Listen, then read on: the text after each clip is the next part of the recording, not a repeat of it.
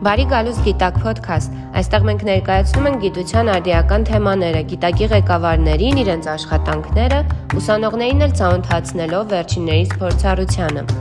Մեկնարկում ենք արդեն երկրորդ ոդքասթը Գիտակ Talks շարքի։ Այսօրվա մեր հյուրն է Լիլիթ Պապոյան, ով Բարթենոփ համալսարանում տնտեսագիտության ինստիտուտի դոցենտ, կրտսեր գիտաշխատող է։ Ողջունում ենք քեզ Լիլիթ ջան։ Բարի երեկո։ Ինչպես նաև ամբողջ ոդքասթը ինձ հետ կվարի Հայկը Սարիբեկյան, ներկայումս Քեմբրիջի համալսարանի ասպիրանտ, մասնագիտությամբ մաթեմատիկոս։ Բարև Հայկ ջան։ Ողջույն։ Okay, ես էլ գայանեն եմ միանում եմ Հայաստանից Իտալիա, Անգլիա սկամորջին եւ մեր առաջին հարցը Լիլի ջան կխնդրենք ավելի մանրամասն պատմես քո մասին, ինչպես որոշեցիք գիտությամբ զբաղվել ու որոնք էին հենց այդ առաջին քայլերը, հա, գիտության մեջ ձեր։ Շնորհակալ եմ Գայանե ջան կապ հաստատելու համար։ Շատ ուրախ եմ գտնվել ցես հետ միասին, թեկուս այս կամուրջի միջոցով հույս ունեմ ապագայում կկարողանանք դեմ հանդիման ուղակի հանդիպել ուրախ եմ գտնվել այս հարթակում, գիտակակումբում։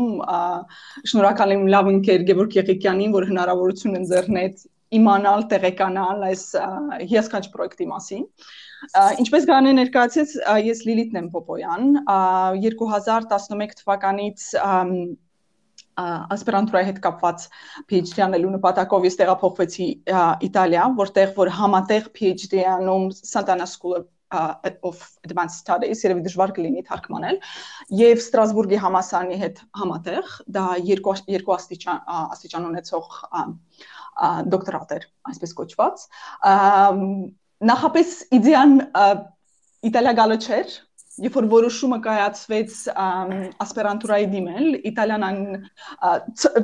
երկների ցանկում չէր, որը ցանկանում է ուղակի դիմել եւ գալատիկի, բայց այդպես ստացվեց։ Ուղակի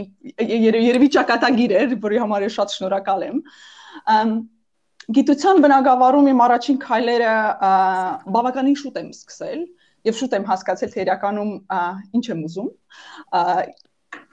Դա դեռևս ուսանողական տարիներից եւ ես շատ կապված էի հետազոտության եւ վերլուծության գաղափարին իմ ուժ բակալավրի եւ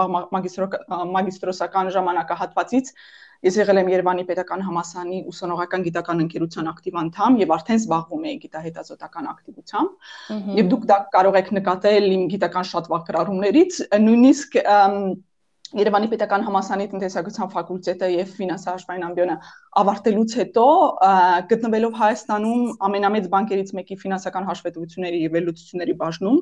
ես չեմ դադարել գիտահետազոտական ակտիվությունս շարունակում եմ հոդվածներ գրել, ներկա լինել համաժողովների ներկայացնելով տնտեսական վերլուծություններ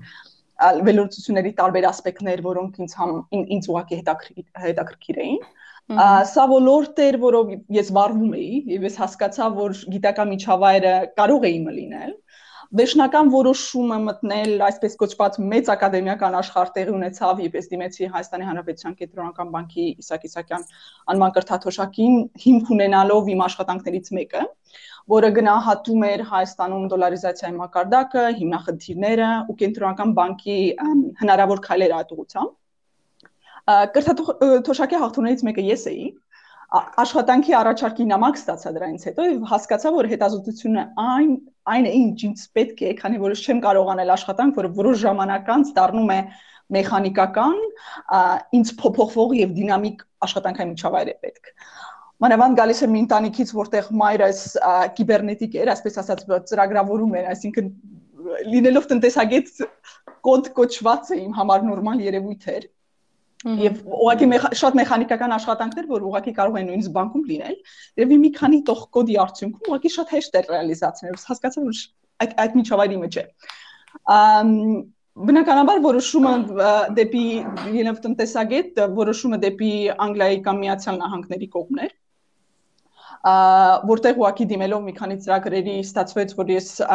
դրանցից երկուսը մյուսը մեկը Բրաունի համասարանում էր։ Ես հաղթեցի եւ պետք է գնայի Բրաունի համասարան հետո առաջարկ ստացա գալ, գալ պիզա, որտեղ որ ես ծրագիր էի գրել, որին անկեղծ ասած շատ ֆուտուրիստական էր եւ ավելի քիչ էի հավատում։ բայց արդյունքում ռիսկի դիմեցի մի համասան որ որի մասին ես շատ քիչ բան գիտեի ուղղակի գիտեի որ Իտալիայի լավագույններից մեկն է դա կիսամասնավոր համասան է, որ ուղղակի շատ շատ ռեսուրսներ ունի։ Եվ համասան է, որ կապ ունի այն ինստիտուտների հետ, որը իմ համար, այսպես ասած, նշադիրային են, այսինքն իմ համար target-id են, հա, այդպես ասած։ Եվ արդյունքում սկսեց իմ այսպես այս արկածախնդրային ճանապարհը մի աղջիկ, որը որը տնտեսագետ էր, աշխատել էր կենտրոնական բանկերի հետ, բանկային համակարգում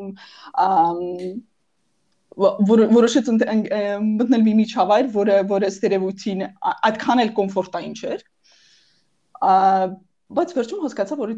դա այն ամենն էր, ինչ պետք էր։ Ոգի շատ դինամիկ, արագ զարգացող։ Դա երևի թե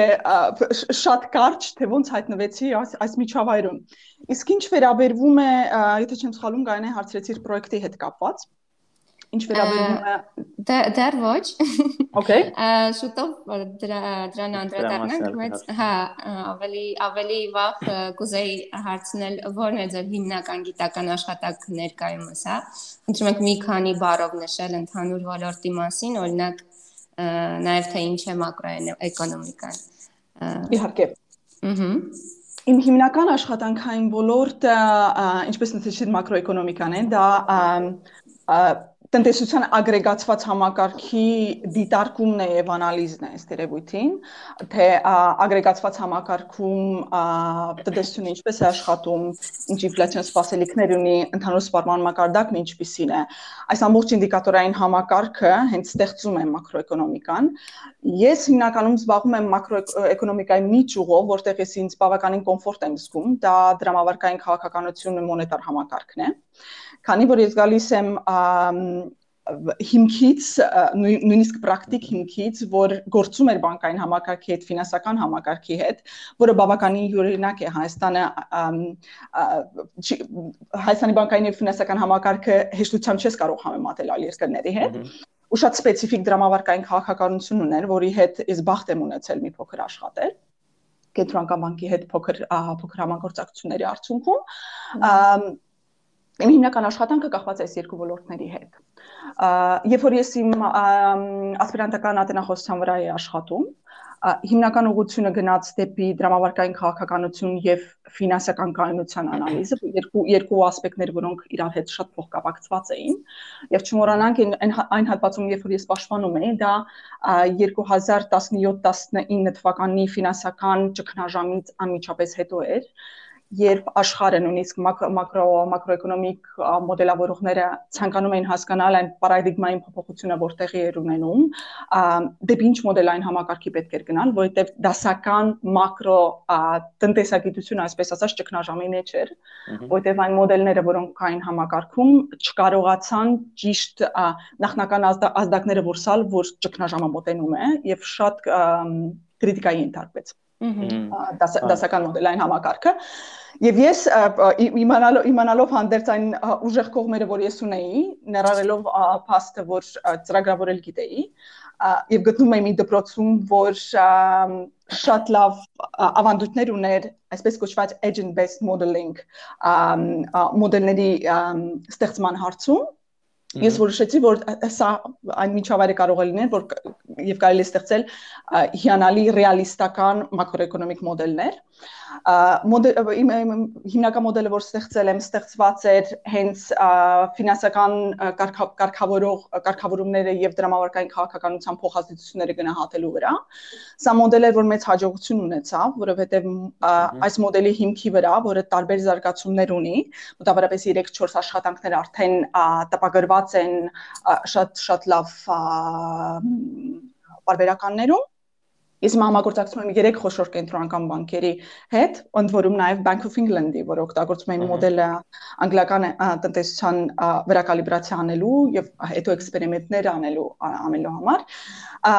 Մի փոքր վերջին տարիների մոտավորապես 3-4 տարիների ընթացքում մի փոքր փոքր շեղում տեղի ունեցավ կախված նրա հետ, որ Եվրոպայում եւ նաեւ այսօր Ամերիկայի Միացյալ Նահանգներում շատ մեծ է քննարկումը կլիմայի փոփոխության եւ նրա ազդեցությունների հետ կապված ասպեկտների հետ կապված աշխատանքների եւ մեծ է պահանջարկը հասկանալ թե կլիմայի փոփոխությունը ֆինանսական համակարգի եւ դրամավարկային քաղաքականության վրա ինչպես է ազդում եւ մոդելների խումբ է նա հիմա ստեղծվում որ փորձում է հասկանալ թե կլիմայի փոփոխությունը ինչպես է ազդում ֆինանսական համակարգի վրա, ֆինանսական կայունության տեսակետից եւ դրամավարկային քաղաքականության վարման տեսակետից, եւ ինչպես դրամավարկային քաղաքականությունը եւ ֆինանսական կարգավորման համակարգը կարող է օգնել անցմանը, այսպես կոչված շագանակագույն էկոնոմիկայից դեպի կանաչ էկոնոմիկայի։ Սա հիմնականում վերջի մոտավորապես 3-4 տարվա դիտարկումները 3-4 տարվա աշխատանքներն են, որը ըստ երևույթին կազմում է իմ գիտահետազոտական գործունեության 20%-ը։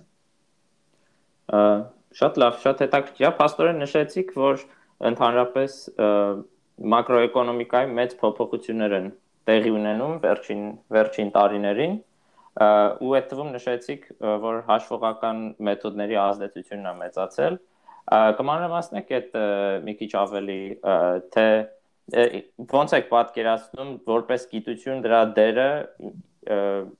ձեր ոլորտի դերը առաջիկա ենթադրենք 10-20 տարիների ձևավորման մեջ ինչպես է ոլորտը փոխվելու ազդելու հասարակության վրա Շնորհակալ եմ շատ լավ հարցի համար։ Հայկ, կարծում եմ, որ այն փոփոխությունները, որ տեղի են տեղի են ունենում հիմա, շատ ֆունդամենտալ կլինեն տնտեսագիտության եւ մակրո եւ միկրո տեսակետից, որովհետեւ ինչպես նշեցի մոդելները, որ նախկինում կային, թեև նույնիսկ կենտրոնական բանկերում հիմա շատ մեծ կիրառություն ունեն, որտեղ շատ դժվար է եթե մի մոդելային համակարգի վրա արդեն ներդրվել են 100 տարի եւ ավել, ուղղակի ըմբռնել եւ ամբողջ կառուցվածք փոխել, որպեսզի դու դու կարողանաս ադապտացվես նորին հա ինչ որ resistance դժվար եմ հայկական բառը գտնվում ընդդիմություն կա դիմություն կա դրա նկատմամբ դիմադրություն կա դրա նկատմամբ կենտրոնական բանկերի կողմից բայց ոչ բոլորի կողմից ինչպես ես նշեցի հիմա այն մոդելները որով ես եմ զբաղվում որը մաքուր սիմուլյացիոն մոդելներ են այդ մոդելները կոչվում են agent based մոդելներ, որոնք շատ կոմպլեքս են։ Հա, գուցե կարող եք մի քիչ բացա կներեք, գուցե կարող եք մի երկու բառով բացատրել, թե որոնք են այդ agent-ները օրինակի վրա ինչ է իրենց agent-ը ներկայացնում, իր հարաբերությունը այլ agent-ների հետ, մասնիկ հա երևի հայերեն։ Հաճեք հաճեկով, ուրեմն ստեղծում է կոմպլեքս համակարգ, որը սովորաբար եթե ստեղծում է լաբորատորիա, որ քաղաքական նպատակներով պետք է օգտագործի, բնականաբար ստեղծվում է ադապտացված մի կոնկրետ տնտեսության։ Դա կարող է լինել Իտալիան, դա կարող է լինել Միացյալ Նահանգները, Անգլիան, Հայաստանը եւ այլն, լավ։ Ստեղծվում է մի մակետ մոդել, որը վարկի կանոններով շատ նման է ռեալ տնտեսությանը փոքր մասշտաբով բնականաբար, այսինքն մասշտաբները փոքրացվում են, բայց պարամետրիզացիան մնում է նույնը։ Սուբյեկտները տնտեսվարող լինում են ըստ երևույթի նույնը, դուք ունես բանկային համակարգ համակարգ, որը կազմավորված է,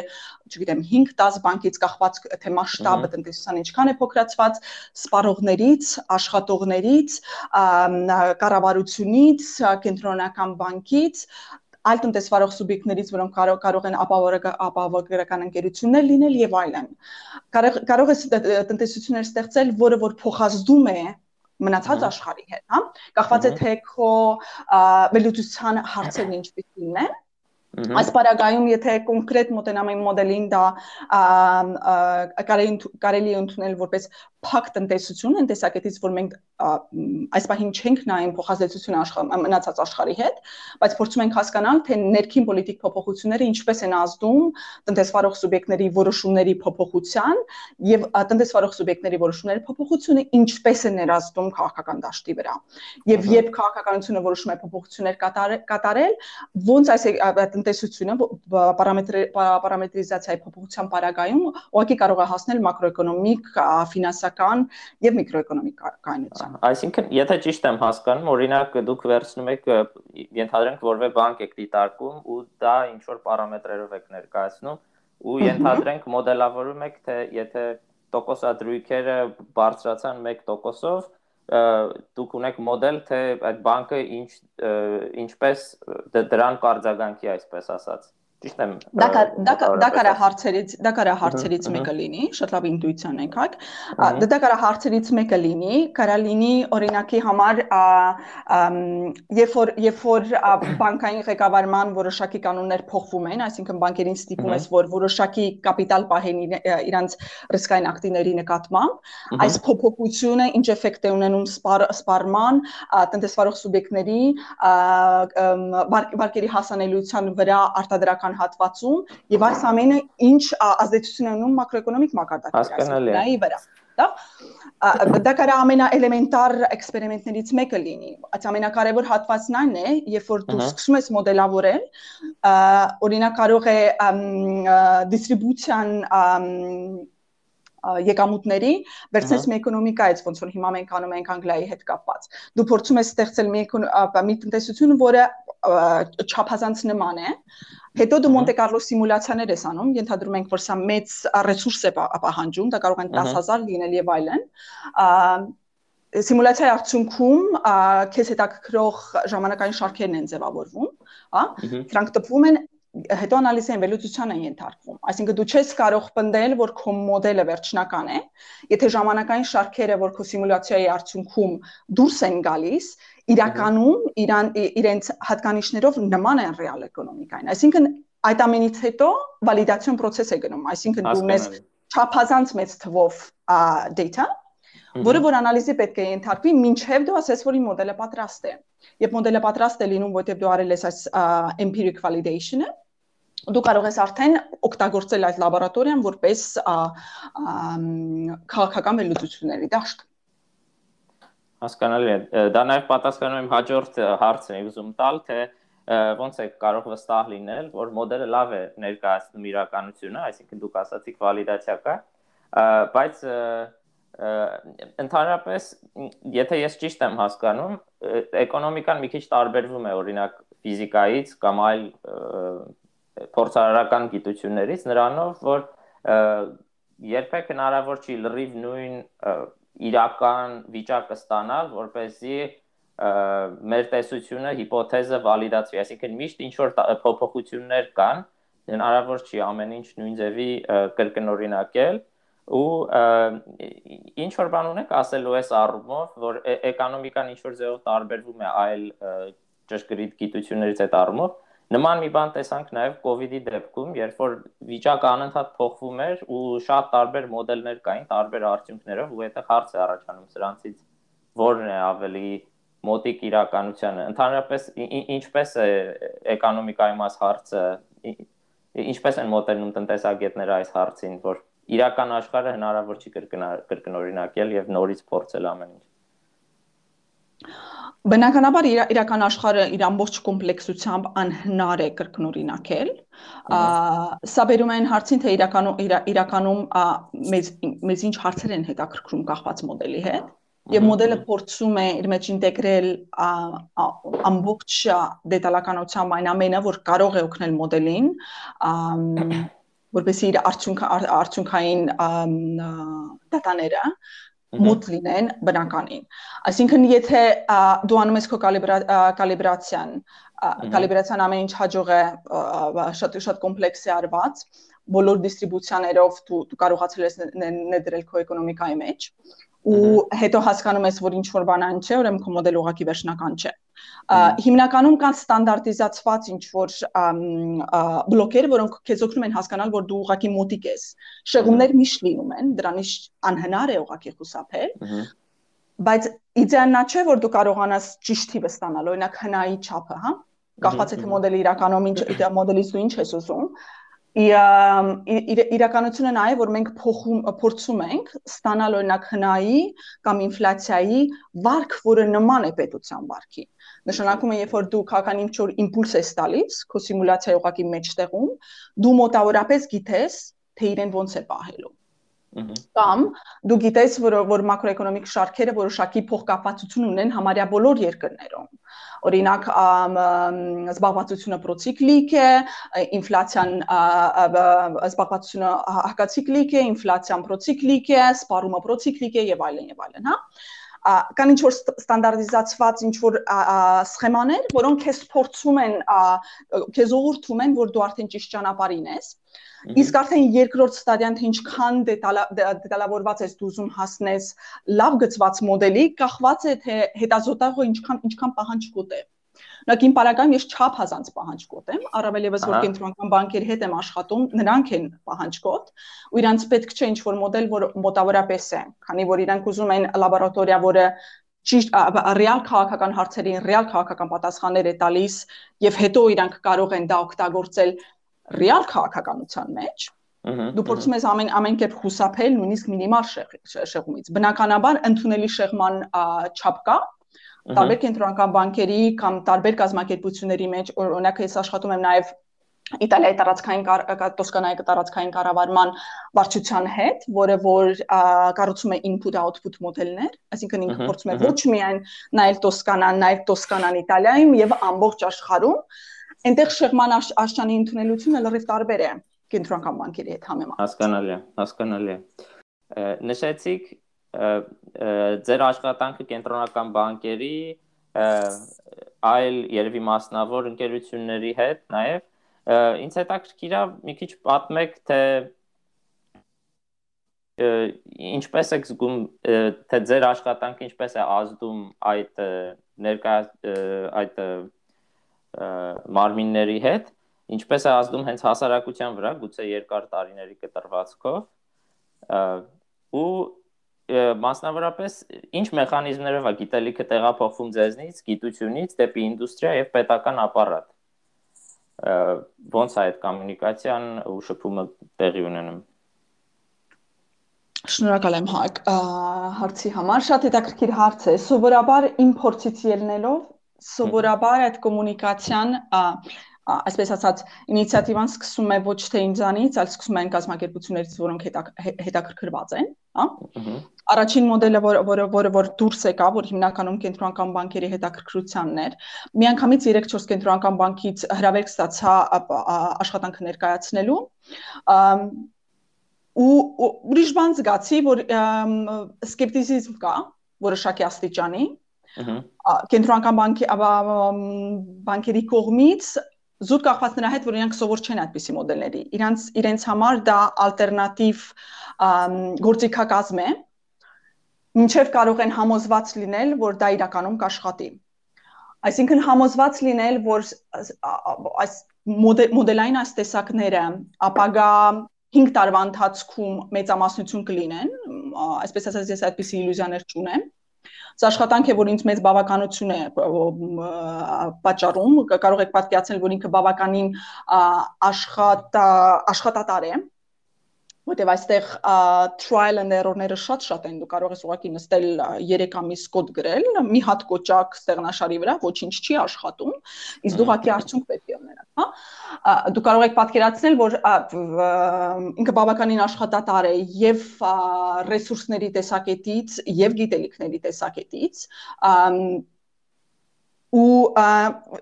ես ես անձնապես փորձում եմ խմբերը նաև փոքր պահել, որտեղ ուղղակի շատ մարդկանց ներկայությունը այնպիսի աշխատանքում, որ բավականին տեխնիկական է, մտավախություն կա, որ ուղղակի շատ ազդեցություններ բարակայում մոդելը չի ձևավորվի, չի ձևավորվի այնպես, ինչպեսին որ պետք է օրինակի համար։ Դրա վրա ուղղակի պնդում եմ։ Ես ինչպես ասացի, ես իլյուզիաներ չունեմ, որ մոտավորապես 5 տարվա ընթացքում սրանք մեծամասնություն կլինեն, բայց ես գիտեմ, որ կդառնա շատ ճկուն գործիքակազմ էքսպերիմենտացնելու Ես գիտեմ, որ մասնավոր սեկտորը սեկտորին դա շատ դուր է գալիս, որովհետև նույնիսկ միկրոմակարդակում ճիշտ է մի ակադեմիկ ակադեմիական աշխատանքի հիմնականում մակրոէկոնոմիկայի հետ է կապված, բայց միկրոմակարդակում էքսպերիմենտներ անել անելը առանձին ձեռնարկությունների համար, որոնք շատ ավելի հեշտ են կալիբրացնել, կարող եք պատկերացնել, շատ հետաքրքիր ինչ որ թոյ մոդելներ են ստեղծում, որը հեշտ է ինչ որ ինտերֆեյսներ ստեղծել ու թույլ տալ մարդկանց ուղղակի խաղալ դրանցով ու հասկանալ այս մոդելների պոտենցիալը Այսինքն իրենք որպես product ես գտնում եմ որ շատ գրավիչ են բայց որպես մոդել, որ քաղաքականությունը կարող է օգտագործել, ես գտնում եմ, որ դեռևս ճանապարհ ունենք անելու։ Ես փորձում եմ ամբողջ ուժերը ներդրել, որ այս մոդելները կարողանան ճիշտ իրենց տեղը գտնել, որտեղ գտնում եմ, որ արժանի են թեկուզ որպես ալտերնատիվ կարճաժամկետ հատվածում, բայց գտնում եմ, որ երկարաժամկետ հատվածում բավականին էլաբորացիայի հասնելուց հետո նամանավանդ այս էմպիրիկ վալիդացիայի տեխնիկաները ուժեղացնելու արդյունքում օրինակ համար վերջերս մենք օգտագործում ենք սուրոգատ մոդելներ, որոնք փորձում են հասկանալ հեռավորությունը սիմուլացիաց էկոնոմիկայի եւ ռեալի ու հասկանալ պարամետրիզացիայի խումբը, որը հնարավորություն է տալիս ավելի մոտեցնել այս երկուսը։ 5 տարի առաջ դա ուղղակի չէին կանում, հա։ Դա շատ արագ է զարգանում։ Ես համոզված եմ 5 տարում բավականին պոտենցիալ ունեցող մոդելներ կլինեն։ Հա եւ մասնավոր սեկտորի եւ պետականի։ Ահա Բայց եթե ճիշտ եմ հասկանում, ձեր աշխատանքի ընթացքում նաև շփվում եք մարդկանց հետ, ովքեր ոչ տեխնիկական են, կարող է բիզնես տեսանկյունից են այդ ամեն ինչին նայում, մի քիչ կխոսեք այդ հնարավոր կոմունիկացիայի բարիերից, թե ինչպես է ինչպես այդ շփումը այն մարդկանց հետ կատարվում, որոնք որ ընդհանրապես թեմայից դուրս են, բայց փորձում են ինչ-որ քրիտիկական ինֆորմացիա ձեզանից ստանալ։ Ենթադրում եմ ձեր նախկին փորձը բանկում աշխատելու գուցե այդտեղ օգնում է, բայց ինչ ինչեր է պետք ինչ ինչպիսին է պետք լինել, ինչ որ เป զի այդ շփումը հեշտ լինի, մի երկու խոսք դրա մասին, եթե կարելի է։ Իհարկե։ Նախ նշեմ, որ ամեն ամենասկզբը բավականին բավականին դժվարություններ ունեցել եմ, երբ կախված նախ, եւ առաջ նրա նրա հետ, որ իգական սերի ներկայացուցիչ եմ, ինչ որ շատ կասկածամտություն կա, իգական սերի ներկայացուցիչ, տնտեսագետ, ծրագրավորող, ոնց է հնարավոր է համակցություն ուղղակի վստահել, բայց բավականին շուտ սա սա վերացավ պետական ոլորտի հետ դժվարությունները ավելի շատ էին իրականում, որովհետև այն մտածելակերպը դասական մոդելավորման, որ նրանք ունեն, ուղղակի ադապտացվել նույն ամբողջովին նոր մտածելակերպի մոդելների բավականին դժվար տրվեց։ Ես հիշում եմ առաջին իմ 2-3 պրեզենտացիաները մոդելների, որ կենտրոնական բանկում արեցի, որոնցից մեկը հենց անգլիա կենտրոնական բանկում էր, Նորջես բանկում էր Նորվեգիայում եւ Իտալիայում Իտալիայի կենտրոնական բանկում հարցերը բոլորը նմանատիպ էին, բոլորը, որոնք ուղղակի գնում էին դիպչելու լոգիկային թե մոդելը ոնց է կառուցված։ Դասական մոդելի կառուցվածքը շատ-շատ տարբեր է տնտեսվարող սուբյեկտների սուբյեկտների հետ կապված մոդել մոդելների հետ համեմատած զուտ նրա հետ կապված որ դասական մոդելները հիմնված են ուղակի մեկ տնտեսվարող սուբյեկտի վրա, այսինքն միջինացված ռացիոնալ, այո, ռացիոնալ սպասումներ ունեն, որը որ այդ սուբյեկտը գիտի տնտեսության կառուցվածքը ու մոտավորապես անալիտիկ տեսակետից դու կարող ես հասնել լուծման, այսինքն այսպես կոչված steady state-ին։ Իրանք չեն հասկանում, թե ոնց առանց հղման կետ ունենալու, այսպես կոչված steady state-ը դու կարող ես մոդելը համեմատել ինչ որ բանի հետ ու հետո քիչ-քիչ ուղակի այս բարիերները ուղակի մենք հասկացանք իրանց ոնց է պետք դա բացատրել նույնիսկ բերել ծրագիրը ինչ որ ինտերֆեյսով ու ցույց տալ դա ոնց է կատարվում հերավորությունները ցույց տալով ուղղակի տեսանելի դարձնել խաղային տարբերակով դա ոնց է լինում նրանք հասկացան որ լավ ուղղակի տարբեր են մտածելակերպով բայց դա դրա համար ուղղակի ժամանակ է պետք հասկանալի է Շատ շնորհակալություն։ Մասնավոր սեկտորի համար դա իրականում ավելի հեշտ էր, որովհետեւ մենք ես արդեն սովորել եմ, որ իրանց շատ ավելի հեշտ է խաղի տեսակետից մատուցել դա, պատկերացրու, որ քո կազմակերպությունը ուղղակի վիզուալիզացված խաղ է, դու ունես 50 աշխատող, ամեն մեկը ինչ որ բան է անում, ելնելով որոշակի կանոններից, որոնք մենք գիտենք որոշակի սիտուացիայում ինչպես կբարվի ու ինչքան շեղում կտա օրինակ ինչ հավանականությամբ ինչ քայլի կդեմի լավ Հասկանալի է։ Տենց խաղային տարբերակով իրենց համար ուղղակի ավելի մաչելի է դառնում։ Տարբերակ, որը պետական համագարկում ավելի վատ է աշխատում։ Okay, Սկզբում մասամբ անդրադարձանք, բայց կխնդրեի մանրամասնեք ձեր աշխատանքի կիրառությունը կլիմայի փոփոխության հետ կապված խնդիրներում։ Հա, կլիմայի փոփոխությունը մեծ ազդեցություն ունի բանկային համակարգի վրա, կայունության վրա համակարգի, որը մի օր կարող է տանել մեծ ճգնաժամի, եթե քայլեր չձեռնարկվեն։ Կուզեի ձեր փորձառությունը այս հատվածում, հա, կիսեիք։ Մեծ հաճիկով, ինչպես երևի սկզբում նշեցի, բնավիճում է հարթակում հարթակում նայելուց կնկատեք, որ ես գրանցել եմ մոտավորապես 3 պրոյեկտ, որոնց մեկը արդեն ընթացքում է, ու որոնց վրա ես հիմա աշխատում եմ եւ որոնք կազմում են իմ հետազոտական գործունեության մոտավորապես 20%-ը, հա, մնացածը ավելի տարբեր ոլորտների են հարում։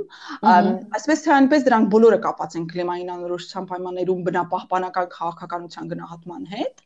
Նրանցից երկուսը վերլուծում են դրամավարկային իշխանության եւ ֆինանսական հսկիչների ներգրավվածությունը կլիմային փոփոխության վերաբերյալ բանավեճին այդ երկու նախագծերի նույնիսկ եթե գնում են նույն ուղությամբ, բայց օգտագործում են տարբեր տեխնիկական տեխնիկաներ, եթե մեկը օգտագործում է տվյալների արդյունահանումը, data mining եւ վերլուծությունը, երկրորդը հիմնված է նույն agent-based մոդելների վրա, ստեղծելով տարբեր քաղաքականությունների, որը կարող է ֆիսկալ, դրամավարկային կամ բնապահպանական լինել, լայնամասշտաբ լաբորատորիա։ Այս լաբորատորիայում մասնավորապես մանրադիտակի տակ են դրվում ռիսկերը, որոնք կլիմային փոփոխության փոփոխության պարագայում վտանգում են դրամավարկային քաղաքականության եւ ֆինանսական հաստատությունների անվտանգությունը եւ առողջությունը։ Այդ ռիսկերը հիմնականում երկուսն են ֆիզիկական ռիսկը եւ տրանզիցիոն ռիսկերը եւ երկու բառ ասեմ ինչ են իրենցից ներկայացնում ֆիզիկական ռիսկերը դրանք այն բոլոր ռիսկերն են որոնք կապված են շատ անոմալ կլիմային երևույթների հետ պատկերացրեք որ հողմ է լինում կամ շատ ցրտահարվում են այգիներ Հայաստանում, որը որ ֆինանսավորել ֆինանսավորել է Credit Agricole-ը հա գյուղացին կրեդիտ ագրիկոլից վերցրած վարկը պետք է վճարի գյուղատնտեսական արդյունքից ու արդյունքը չի ստանում լավ ենթադրում է որ այս վարկը պոտենցիալով կարող է բադ վարկ լինել, ճակերտավոր ու հետ չգալ բանկին, այսինքն բանկը ռիսկ է ունենում իր ակտիվը հետ չստանալու լավ եւ սա կարող է խնդիր ստեղծել այնպիսի բանկերի համար որոնք որ կոնկրետ ուղղվածություն ունեն կամ ենթադրեք որ գտնվում ենք չգիտեմ ֆլորիդայում գծի ուղությամբ որտեղ անշարժ գույքի մեծ բազա կա մեծ ալիք է բարձրանում ամբողջ անշարժ անշարժ գույքը որը հիպոթեկով է ուղակի վերծված վերանում է նույնիսկ այսպես ասած կոլատերալը, որը որ բանկը ունի իր հաշվեկշռում վերացել է որպես այդպեսին, ու բանկը մեծ կորուստներ է կրում։ Սա ֆիզիկական ռիսկն է, որ կլիմայի փոփոխությունը կարող է ազդել կամ հակազդել ֆինանսական համակարգի վրա եւ ուղղակի ծնկի բերել։ Լավ։ Երկրորդը դա տրանզիցիոն ռիսկն է։ Տրանզիցիոն ռիսկը առավել քան երբեք հիմա ռեալ է, որովհետեւ եւ Եվրոպայում եւ Տրամպի չընտրվելու արդյունքում Բայդենի գալուց հետո բավականին սուր է միացյալ նահանգներում, որովհետև Թրամփի ժամանակ ուղղակի կլիմայի փոփոխություն գոյություն չուներ։ Նա չէր հավատում այդ այս ֆենոմենին, հա։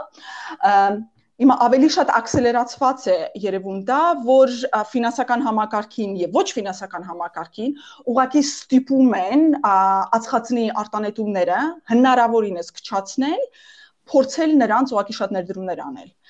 այս տրանզիցիոն process-ը, այսպես ասած, շագանակագույն տնտեսությունից դեպի կանաչի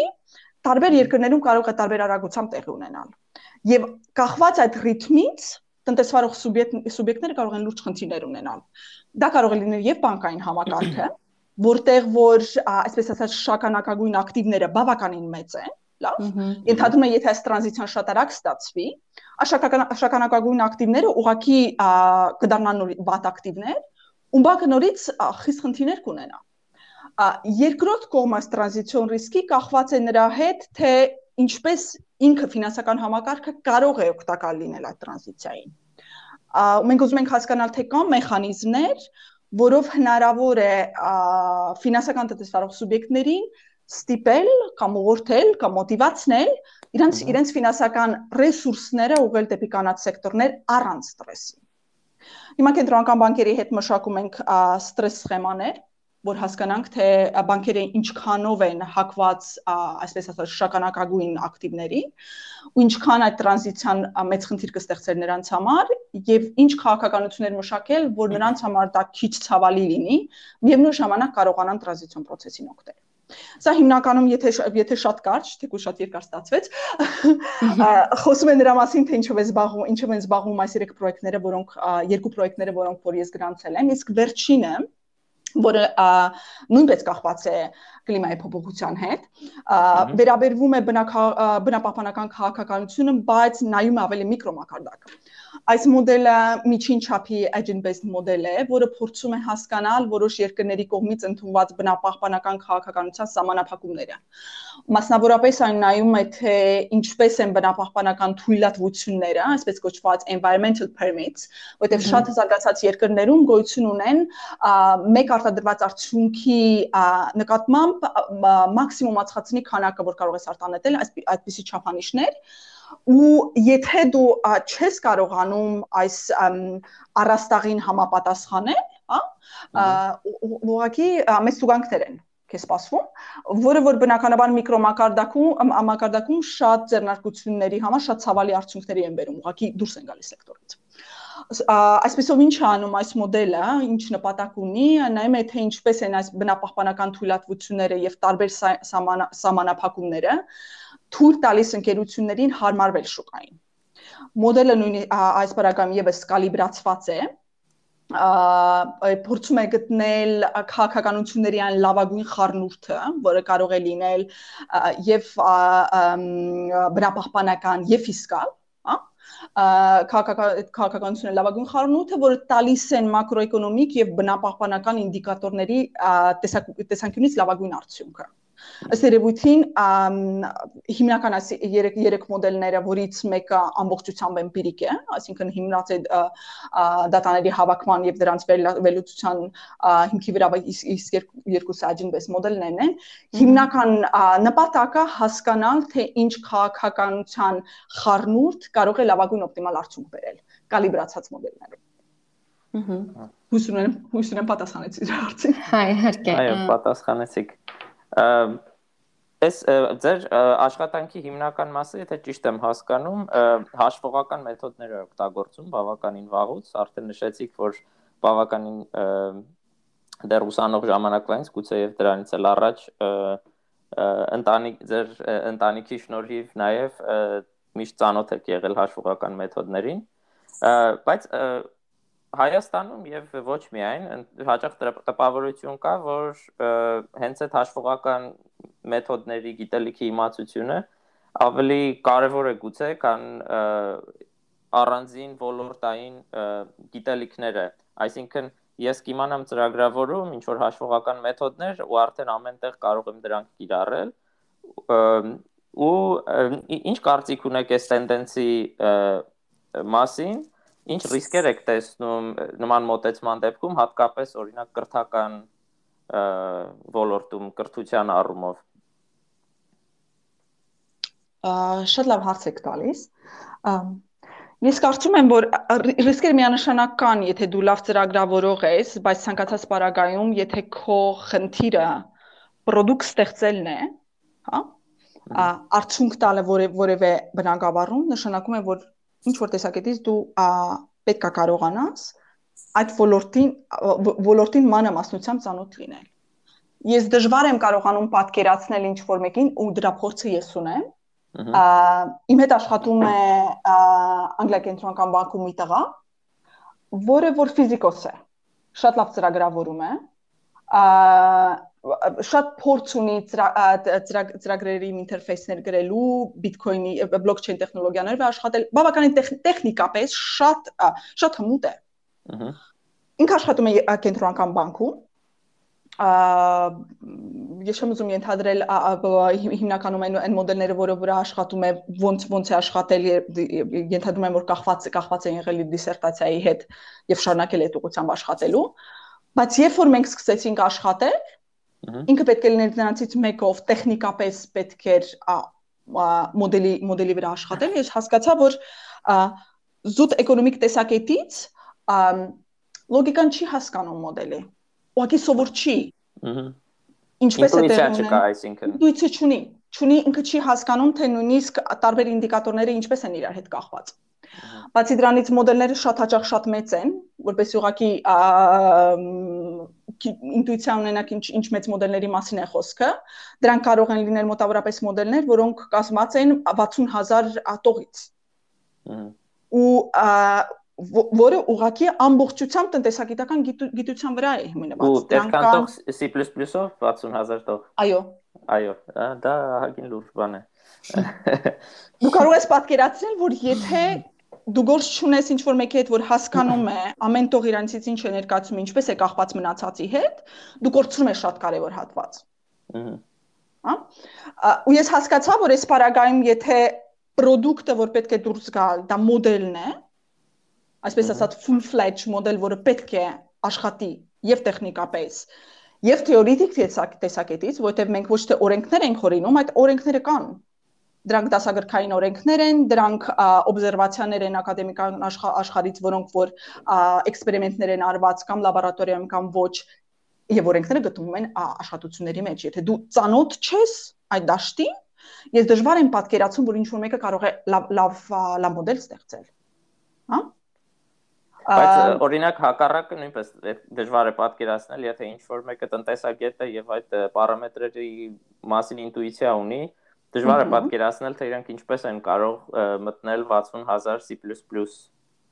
կոդ 60000 տողանոց կոդի մեջ ու դրանից դրանից գլուխ անել։ Ու այդ դեպքում ո՞րն է պատասխանը, ո՞ր ծայրից է պետք սկսել ձեր կարծիքով։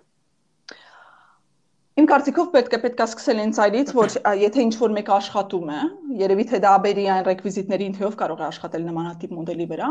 Բնականաբար մոդելը մոդելը կազմակերպված իմ բարագամի ես փորձում եմ կազմակերպել այնպես, որ մոդելը հեշտ լինի կարդալ, այսինքն դա եթե նույնիսկ C++ է 60000 տող, կոդերի նայելիս դուք զգաք, որ բոլոր տնտեսվարող սուբյեկտները առանձնացված են։ Դա object oriented է, այսինքն դուք ամեն բլոկում առանձին կտեսնես առանձին վարքը։ Դու այսպես չես տեսնի, այսպես կոչված իտալիայում դա կոչվում է spaghetti code, այսինքն շատ ինչ որ տեխնիկական տերմինով, բայց այդպես է կոչվում, շատ հաճախ տենց մոդելների ես տեսնում եմ, որ ուղղակի անհնար է կարդալ։ Ընդհանրապես ակադեմիական, կներեք, ընդհանրապես ակադեմիական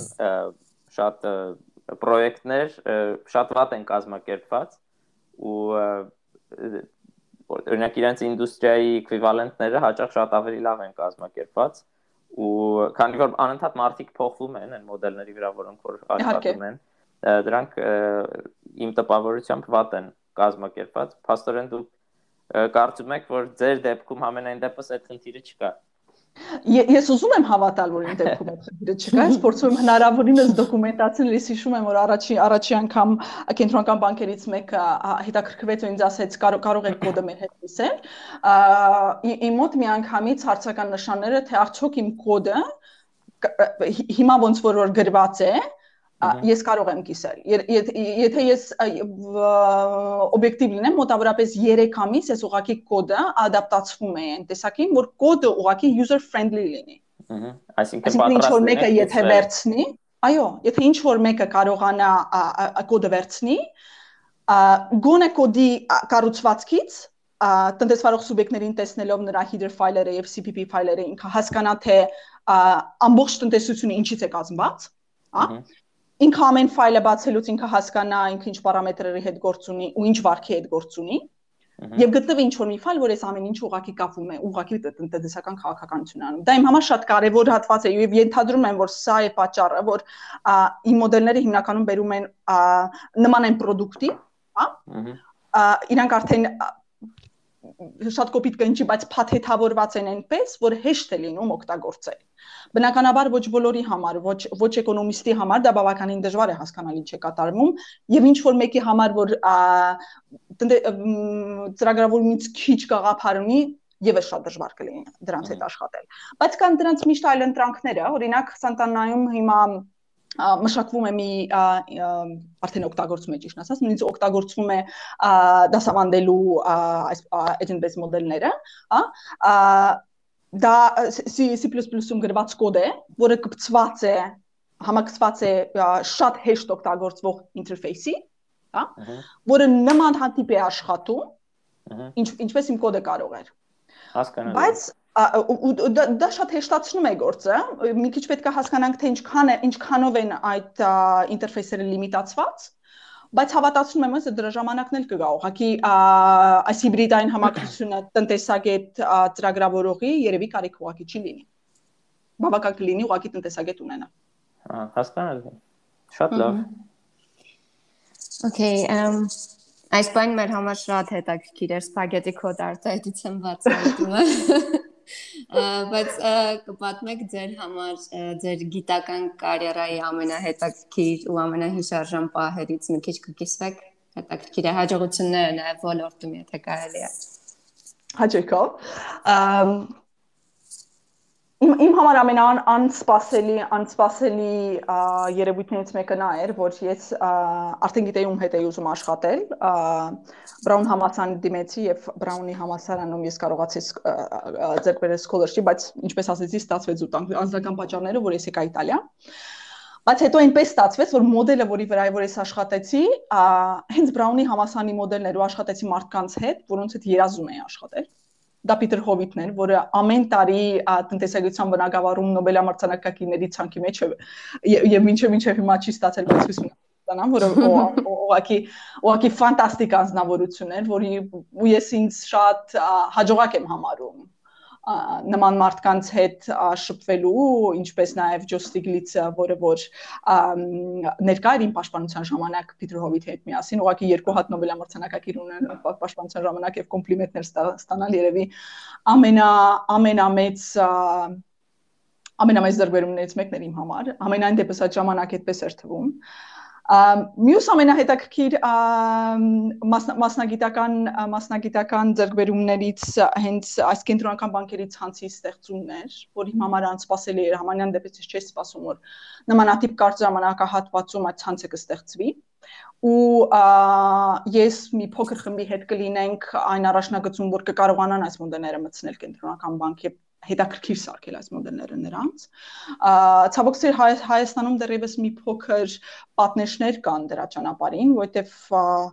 երևի թե պետք է Հայաստան գալ հասկանալ ինչի ցանկացած պարագայում շատ-շատ կենտրոնական բանկեր արդեն սկսում են այս մոդելները օգտագործել ու իմ համար դա շատ մեծ հաղթանակ է մասնագիտական հաղթանակ է որովհետև այս մոդելները ինչպես ասեցի ուղղակի շատ երկար ժամանակ են պահանջում շատ երկար կոնցենտրացիա ու շատ ժամանակ շատ նման են լինում ուղակի սեփական զավակի որ շատ դեպքերում շատ խանդոտ ես լինում այդ զավակի նկատմամբ հասկանալի է ու ու կարողանալ այդ զավակներին կիսել մարդկանց հետ որ իրականում կարողանան դա օգտագործել իմ համար իրոք մեծ ձեռք բերում է եւ եւ հպարտությամբ եմ ես հպարտությամբ գրում գրում գրում նաեւ այն այն պիտակը որ այս ոլորտում երևի թե շատ քիչ կանանցից եմ որ ոլորտը առաջ է տանում եւ հույս ունեմ որ ուղղակի ավելի մեծ զարգացումներ կունենա։ Իսկ մյուս ձեռբերումը ձեռբերումը, որ ինձ որի որի որի համար շատ շնորհակալ եմ, երևի թե իմ իմ երկու զույգ աղջիկներն են, որ ծնվեցին հենց իմ ասպերանտական թեզի երկրորդ տարում ու քիչ հավանական էր բոլորը ասում են անհնար է ուղղակի վերջացնել այդ ամեն ինչը։ Ես հասկացա, որ եթե երևի առանց դրա, ուղղակի առանց իրենց երևի շատ դժվար կլիներ այս ամեն ինչը առաջ տանել։ Շատ հաճախ կարծես թե շատ են ասում, որ ընտանիքը կարող է խանգարել, բայց իմ տպավորությամբ, օրինակ սպորտսմեններն էլ, եթե իրենց ինտերվյուների ժամանակ լսես, ասում են, որ իրականում ընտանիքը միայն օգնել է։ Ճիշտ է, ծանրաբեռնվել է, բայց ժամանակի օգտագործումը ինչ որ ģերբնական ձևերով օպտիմալացել է Ես ես ամբողջությամբ համաձայն եմ, որ ուղղակի իրենց ներկայությունը քեզ թույլ է տալիս օպտիմիզացման այնպիսի սխեմաներ ստեղծել, որ ուղղակի աշխատում են։ Ես մինչև հիմա ես ժամանակից շուտ եմ վերջացրել իմ իմ ատենախոսությունը պաշտպանել ու ես համոզված եմ, եթե իմ աղջիկները չլինեին, ես շատ ավելի ուշ կվերջացնեի։ Ես ուղղակի դրանով համոզված եմ։ Այս մասը ամենամոտիվացնողն էր։ Այնպես որ մի վախեցեք։ Առաջ։ Ամ այն նշեցիք, որ երազանքների մարդկանց հետ եք աշխատում, հանդիպել եք Peter Howitt-ի ու նմանատիպ մարդկանց հետ, կպատմեք նաև ձեր երազանքների թիմը ու արդյոք ում հետ եք աշխատում ներկայումս։ Ես ես ունեմ մի թիմ, որ որ ֆանտաստիկ լավ է աշխատում ու այդ թիմը այն թիմն էր, որի որի, հետ որ ես իմ ատենախոսությունը գրեցի ու այդ թիմին այնքան այնքանով եմ շնորհակալ, որ նրանք չփորձեցին փոխել նախնական իդեան, որ ես ունեի։ Ահա։ Նրանք ինձ տվեցին ազատություն, բարի բուն իմաստով ազատություն, անել արդյունք ստանալ ու շատ շուտ հասկացան թե իմ աշխատելավոճը ինչպիսին է, այսինքն ես կարող եմ շատ երկար լռել, հետո դուրս գալ արդյունքն արդյունքով ու ու համոզել որ արդյունքները աշխատում են ու այդ թիմը, որը կազմված էր Անդրեա Ռովենտինից, որը հիմա գտնվում է Սանտանայում պրոֆեսոր է եւ Մաուրո Նապոլիտանոյին, որը որը FC Նիցայում է գտնվում, երկուսն էլ ուղակի շատ լավ ընկերներ են դարձել այն տեսակետից, որ ուղակի ինձ չեն խանգարել։ Նրանք հասկացան, որ ես գալիս եմ իմ բնակավարից, որտեղ որ մատերի մակարդակով գիտեմ ինչ է կատարվում, այսինքն այն կանոնները, որ ես կդնեմ ծրագրի մեջ, դրանք աշխատող են, դա ռեալիստական են, եւ բնական աշխարհից է վերցրած։ Ես գիտեմ իրականում դա ոնց են աշխատում եւ բանկային համակարգում եւ կենտրոնական բանկերի հետ աշխատելուց։ Եվ նրանք ինձ այնպիսի ազատություն տվեցին, որը ինձ թվում է շատ քչել են ունեցել։ Եվ ինձ համար դա դա ֆանտաստիկ մոտիվացնող աշխատանք էր թիմեր ու երկրորդը երևի թե մի աղջկա համար որ Հայաստանից էր եկել ու ու տարիքով բավականին փոքր էր մնացածի համեմատ բայց միևնույն ժամանակ աշխատանքային փորձ ուներ ու ուներ ամբողջովին տարբեր աշխատ աշխատելավոց ստեղծվեց մի թիմ որ ինչ չկարողացավ ճկել կոնկուրենցիայի պարագայում որտեղ մեր ոլորտը շատ մրցակցային ոլորտ է չափազանց չափազանց մրցակցային ոլորտը ուղղակի այդ մրցակցությունը ինձ սովորեցրեցին ֆիլտրել այնպես կամ ես սովորեցի ֆիլտրել որպես ուղակի իրենց միջավայրում գտնվելու, որ ուղակի դա ոչ ոչ մի կերպ չխանգարեց ինձ հա որտեվ ես աշխատում եի մոդելների վրա որ մինչև հիմա համարվում են հետերոդոքս մոդելներ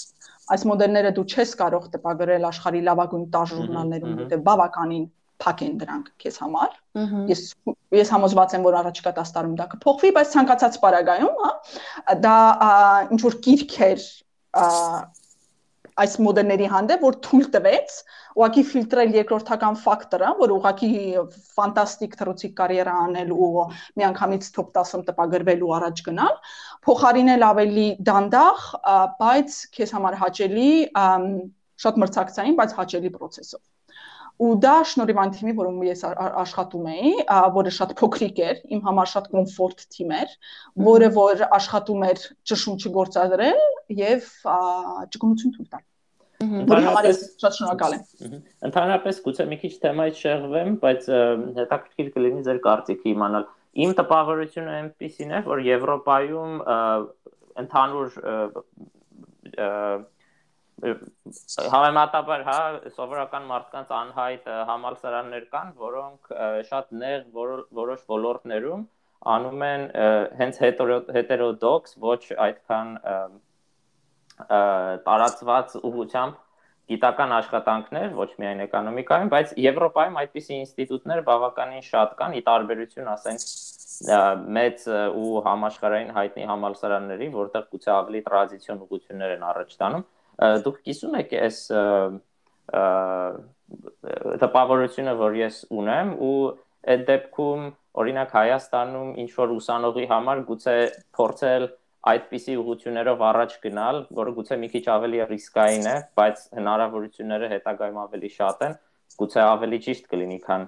փորձել ու գնալ շատ տրադիցիոն ու հաստատված ուղություններով։ Ինչ կարծիք ունեք այս թեմային։ Ես համոզված եմ դրանում հայ իրականում, որ այս ոլորտը երկար չի մնա հետերոդոքս, ինք ուղղակի այլ ընտրանքային կդառնա ինչ որ կետում կդառնա շատ հարմար մոդելներ մնացած բոլոր էկոնոմետրիկ մոդելների հետ օգտագործել օգտագործել բարագայումը հաշվի առնելով որ կենտրոնական բանկերում միայն այսպես ասած dynamic stochastic general equilibrium մոդելներ չեն օգտագործում, որ կլասիկ մոդելներ են։ Նրանք չափազանց մեծ թվով վառեր են օգտագործում վեկտոր auto-regressive մոդելներ, պրոբիտներ են, լոջիտներ են օգտագործում, այսինքն մեր խնդիրը հետերոդոքս էկոնոմիկայի ներկայացուցիչ լինելով, որը ես համաձայն եմ, որ Եվրոպայում լավ կենտրոններ կան եւ այդ կենտրոնները կարողացել են կլաստեր ստեղծել, որը նույնիսկ լավ է տպագրվում, ես համոզված եմ որ ինչ որ կետում ուղակի կդադարի հետերոդոքս լինել, կդառնա ուղակի շատ ճկուն մեխանիզմ գործը լավ կատարելու համար։ Ուղակի նրա համար, որ որ դասականները ուղակի ցույց կտան, որ չեն կարողանում այդ գործը անել։ մեզ ուղղակի ժամանակ է պետք դրա համար իսկ ինչ վերաբերվում է Հայաստանում ուղղակի այդ ուղությամբ գնալու ես ես շատ կցանկանայի որ այդ ուղությամբ ուղությամբ գնացվեր ես մտավախություն ունեմ, որ շատերը կմտածեն միգուցե տեխնիկապես դա դժվար է անեն։ Հավատացնում եմ այն կենտրոններում, որտեղ որ դասավանդում են այս տիպի մոդելներ, շատ ադապտացված մեխանիզմներ ունեն դա սովորացնելու։ Իմ պարագայում բնականաբար իմ բծախնդրություն ուղակի տարավ ուղակի C++-ում ծրագրավորելու, քանի որ նախնական կոդը որ գրված էր այնտեղ էր, ուղղակի ես պետք է շարունակեի այնտեղ, հա, Բրաունի համասարանից, երբ որ ես ստացա այդ կոդի մի հատվածը, բայց հիմա դու եւ դա կախված է նրա նրա նրա հետ որ որպես էկոնոմիստ որը ծրագրավորել գիտի ուղղակի բծախնդիր բծախնդիր եմ այն դետալների նկատմամբ որը որ տեսնում եմ կոդում ես ուզում եմ դրանք տեսնել հասկանալի ուզում որ մանիպուլյացիա տեղ ունենա լավ իսկ ինչ վերաբերում է որ եվրոպայում հետերոդոքսները ավելի շատ են քան միացյալ նահանգներում երևի թե դա ավելի միֆային է Այն տեսակետից, որ հետերոդոքսները նույնիսկ Միացյալ Նահանգներում կան, կա Santa Fe Institute of Complex Economics, ճիշտ է, որը ֆանտաստիկ ինստիտուտ է, որտեղ որ ես եղել եմ։ Ու կան կենտրոնական բանկեր, ես ինքս աշխատել եմ Տեխասի Ֆեդերալ Ռեզերվի հետ, պրոֆեսորներից մեկի հետ, որը որ իմ պաշտպանության ժամանակ ներկա է եղել, եւ որը հետո ինձ առաջարկել է հետ աշխատելու Իրանց համար բարերային խնդիրներ որպես այդպեսին չկան, իրանք գտնում են, որ այդ մոդելները կարան օգտագործել Իրանք էլ են գտնում, որ այն ժամանակ է պետք։ Բայց նույնիսկ Միացյալ Նահանգներում հավատացնում եմ, որ կան կան կան ինստիտուտներ, որ բավականին լավ են աշխատում, բացի դրանից այս գործիքակազմը, որ օգտագործվում է agent-based մոդելներում, բավականին ճկուն է այլ heterodox մոդելների մեջ, որ քիչ-քիչ դուրս են գալիս այդ heterodoxia-ից, հա, դրանք ցանցերի տեսություններն են։ Ահա։ Իսկ մի քանի աշխատանք ունեն, որ հարում են ցանցերի տեսությանը, ու անցում կատարել մեկից մյուսին, որը որ շատ հետաքրքիր է, բավականին հեշտ է։ Հասկանալի։ Ցանցերի տեսության մասին երևի մեկ այլ անգամ կզրուցենք։ Հիմա կուզեի երևի վերադառնանք ձեր առաջարկված նախագծերին, արդեն դրանց մասին մի որոշ պատմեցիք, բայց մի երկու բառով գուցե ասեք, թե ինչպիսի ուսանողներ եք փնտրում, որքանով է կարևոր, չնայած սա էլ նշեցինք մի քիչ, որքանով է կարևոր տնտեսագիտական գիտելիքների ու հաշվողական գիտելիքների իմացությունը ու իրենց հարաբերակցությունը։ Մի քիչ դրա մասին խնդրում եմ պատմեք։ Հաջողով։ Սկսեմ նրանից, որ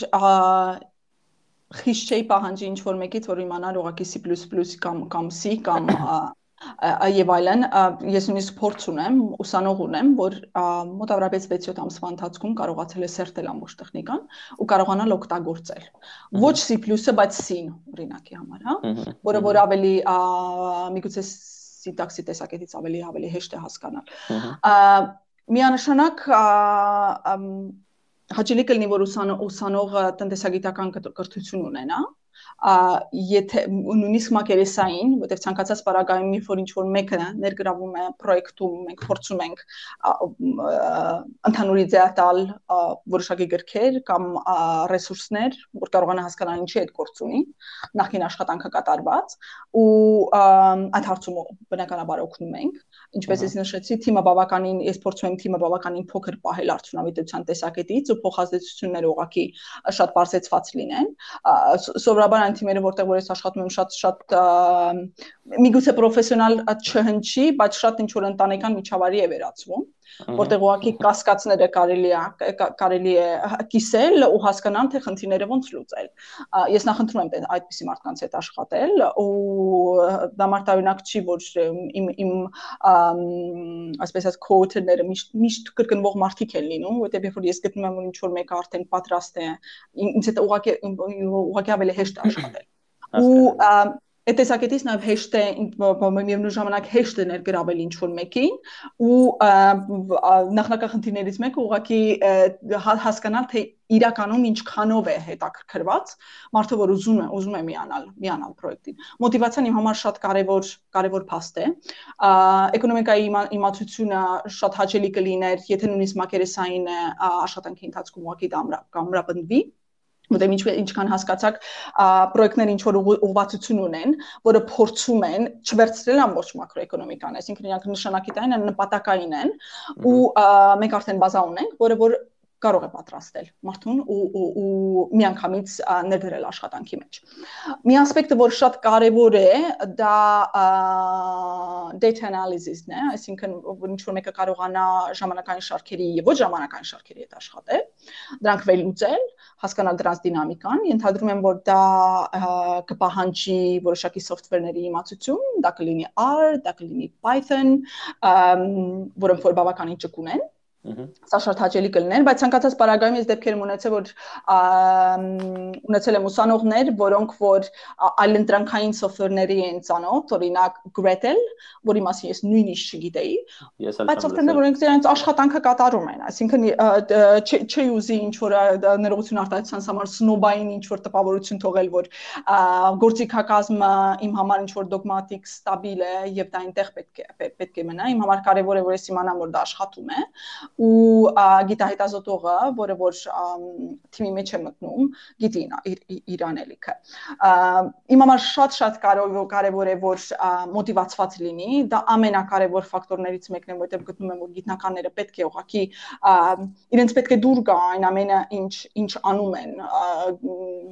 Կարծում եմ որ կան ընդհանուր գծեր, մարդկանց մարդկանց մեջ որոնք որ գիտությամբ են զբաղվում կամ գիտական աշխատանքով են զբաղվում ու հետաքրքրասիրությունը դրա անկախտելի մասն է. ինձ ինձ պետք է մարդ որ հետաքրքրասեր է այսինքն դուր է գալիս այն պրոյեկտը որի վրա կուզեր աշխատեր ուժեղ դիտարկման հմտություններ ունի շատ ստեղծագործական է կասկածամիտ է եւ շատ օբյեկտիվ ինձ թվում է դա ամենակարևոր հատկանիշներն են որ ինձ պետք է միասին ան տեխնիկական հատկանիշների, որոնք որ կօգնեն այդ ամեն ինչը ռեալիզացնել։ Ինչ խորհուրդներ կտակ այն երիտասարդներին, որ ուզում են գիտությամբ զբաղվեն, բայց դեռ երկչոտ են ու առհասարակ գիտնականի ճանապարհի դժվարությունները մատնանշելով ինչ խորհուրդ կտակ հա երիտասարդներին ավելի համառ լինելու այդ դաշտում ու առաջ գնալու համար։ Ամ Ամենակարևորը հասկանալ, որ դուք չեք սխալվել։ Այսինքն դա այն ճանապարհն է, որը որ ձեզ իրականում պետք է, որովհետև շատերին ես մինչև հիմա այսպես ասած ներողություն անգլիական տերմինոլոգիայի համար bias կա, որ ակադեմիական աշխատողը ինչ որ մեկն է, որ ուղակի զբաղվում է, հա, ինչ որ հոդվածներ է գրում ու իր դասախոսությունները կարդում ու հետ է հետ է գալիս, հա։ Ես ուզում եմ այդ միֆը ինչ որ կերպ քանդել, որ իրականում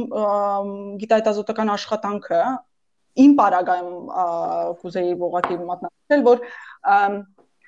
ինքը բավականին ժամանակատար էներգատար, ստրատեգիական տեսակետից բավականին կոմպլեքս երևույթ է։ Հա։ Մանավանդ այս շատ տատանվող շուկայական հարաբերությունների պարագայում որը որ Հայաստանում երևի թե չի զգացվում, որովհետև ինչ որ sense թվացial պատնեշ կա Հայաստանում գիտական աշխարհի, որը որ ես դուրս գալուց հետո հասկացա, բնականաբար Հայաստանում դա չես զգում ուղակի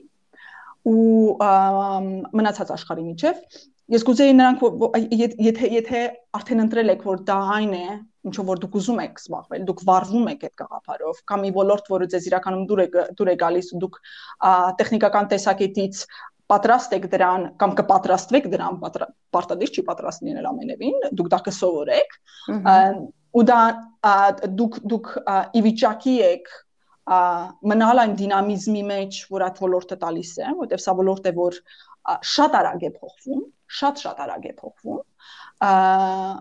միանշանակ սա, սա ձեր ոլորտը կարող է լինել։ Կարևորը եթե դուք հասկացել եք, որ դա այն է, ինչ որ դուք ուզում եք անել,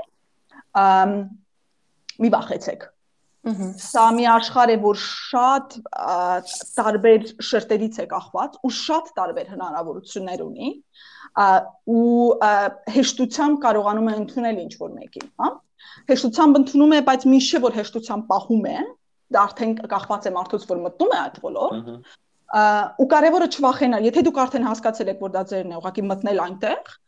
ու հասկանալ այդ ոլորտի դինամիկան ու կարողանալ այդ նավակի մեջ մնալ որտեւ այդ նամակի մեջ մնալու համար շատ մեծ աշխատանք է պետք։ Դա միայն չի սահմանափակվում երկու հոդված գրելով ու ու շփաթական 6 ժամ դասախոսություն կարդալով։ Դա միանշանակ։ Շնորհակալություն Լիլիթ ջան, ուսանողներին այսքան ողջևորելու ու այս չափ տեղեկատվություն տրամադրելու համար։ Եվս մեկ անգամ ցանկանում եմ կրկնել, որ Լիլիթ Պոպոյանի նախագծերի մասին ամբողջական տեղեկատվություն կարող եք ստանալ Գիտակ.get club-ից եւ այնտեղ եւ դիմել եւ եթե հարցեր լինեն կապված նախագծերի հետ, կարող եք ուղղել այդ հարցերը info.gitag.get club-ին։ Կրկին շնորհակալ եմ Լիլիթ ջան, ժամանակ տրամադրելու եւ մեր հետ զրուցելու համար եւ շնորհակալ եմ նաեւ քեզ Հայկ ջան, այսքան հետաքրքիր հարցեր ուղղելու համար։ Այսպեսով ավարտում ենք Գիտակ ոդքասթի եւս մեկ զրույց։ Շնորհակալ եմ զրույցի համար։